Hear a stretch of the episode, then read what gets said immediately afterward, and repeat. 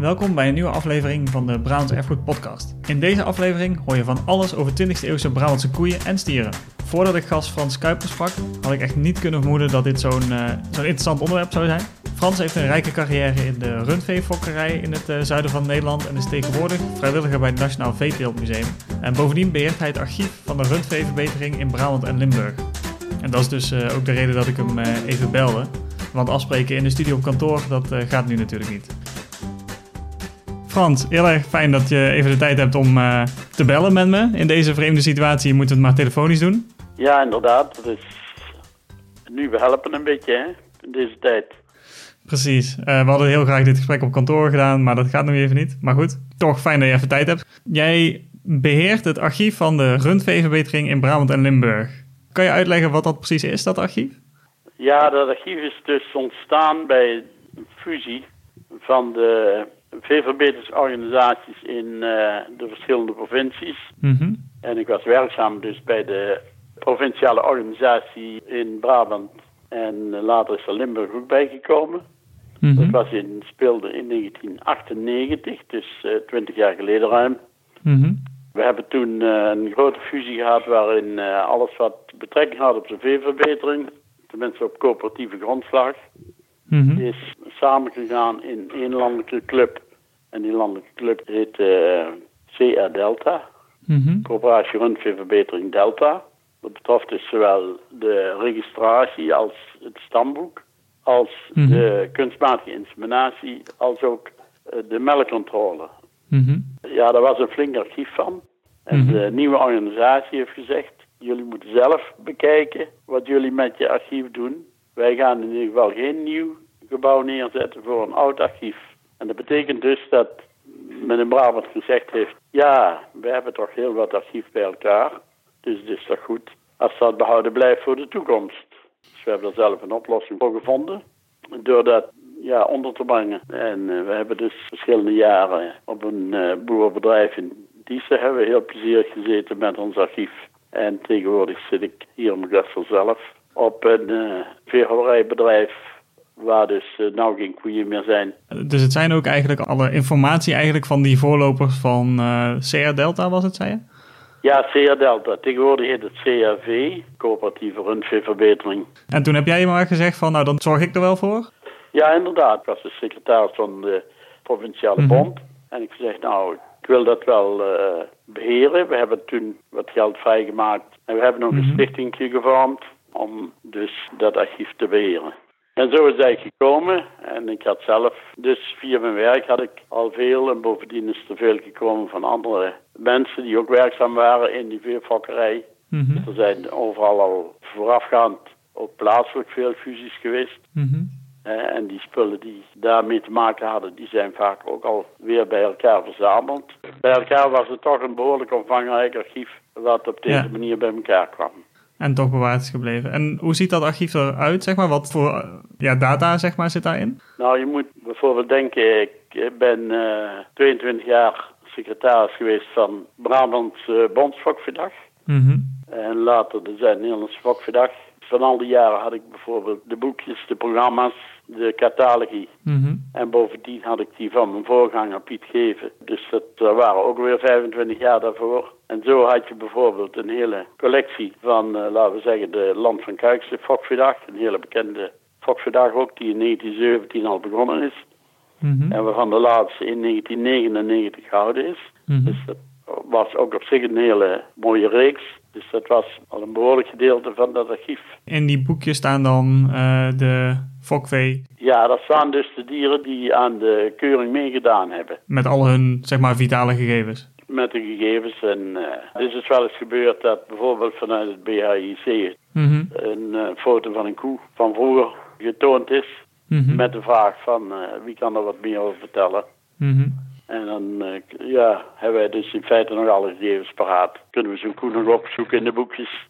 Ja, precies. Met alle achtergronden, afstammingen en dergelijke en de eigenaar en zo. Productie. Ja, oké. Dat is dus een gedeelte. Dan is een uh, ander gedeelte is uh, met name het hele keuringsgebeuren van stieren. Mhm. De verhoudingsrapporten van de stieren. Daar kwam ieder jaar ook een verslag van uit. Het is heel lang provinciaal geweest.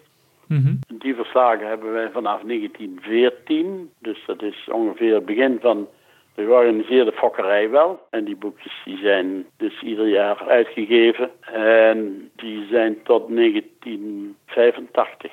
Maar dus dus heel veel jaren, vooral zeg maar op lokaal en regionaal en provinciaal gebied, is uh, die fokkerij bedreven. En daarvan hebben we dus van de, een heel groot deel van de 20e eeuw dus alle, alle gegevens. Ja, inderdaad. Wauw.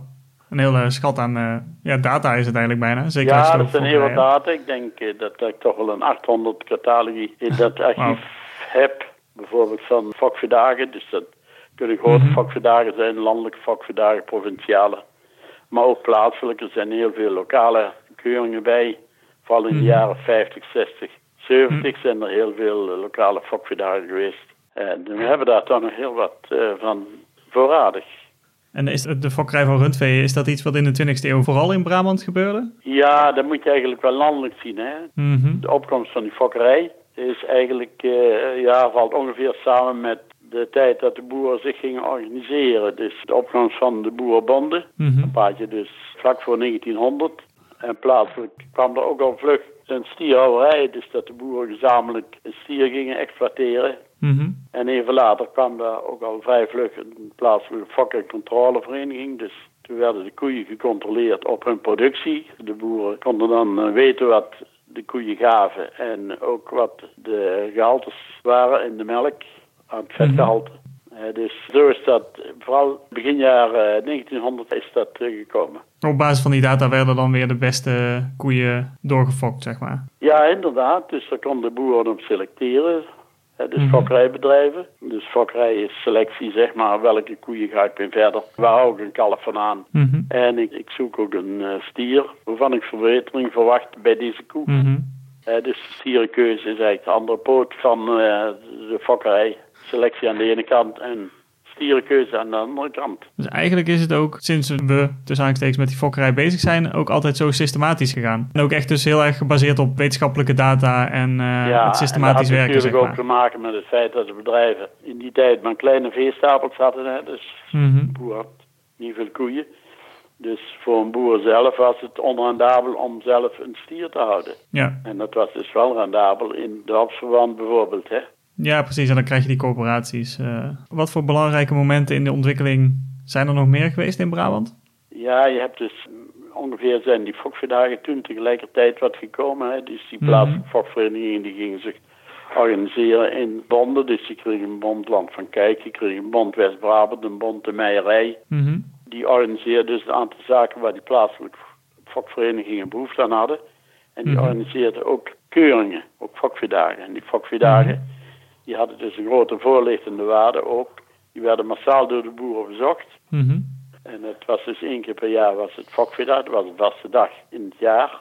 Er gebeurde ook nog wat handel, want er Mhm. waren altijd boeren die toch wilden vee aankopen om zo hun veestapel uh, ook te verbeteren. En die hebben dus een grote opgang gemaakt eigenlijk in de jaren 2030. En dat is na de oorlog is dat weer verder gegaan. Mhm. En dan een nieuwe ontwikkeling na de oorlog is gekomen dat, dat eigenlijk overging in verenigingen voor kunstmatige inseminatie. Mhm. Na de oorlog bleek dat veel koeien besmet waren Mhm. Met besmettelijke dekinfecties. En dat betekent dat zo'n stier ja, de besmetting voortbracht. En dat Mhm. dus het vaak moeilijk was om uh, een koe door het hart te krijgen. En dat was eigenlijk de voornaamste reden om toen met KI te beginnen. Aha. Om het contact tussen stier en koe te verbreken en daar die inseminator tussen te zetten. Ah, oké. Omdat die stieren eigenlijk uh, dus gewoon ziektes overbrachten. Dus eigenlijk gewoon SOA's alleen dan bij de dieren. Ja, inderdaad. Zo zou je het kunnen noemen. En vandaar dat toen de, het tussen aanhalingstekens natuurlijke proces zegt dat daarmee opgehouden is en dat ze het kunstmatig zijn gaan doen. Ja, dat was de voornaamste reden. En de andere reden was ook dat je voor de fokkerij sneller vooruit kan gaan, omdat je veel minder stieren nodig had. Dus je kon ja. beter selecteren in uh, het stierenmateriaal en het aangeboden Mhm. stierenmateriaal. Hm.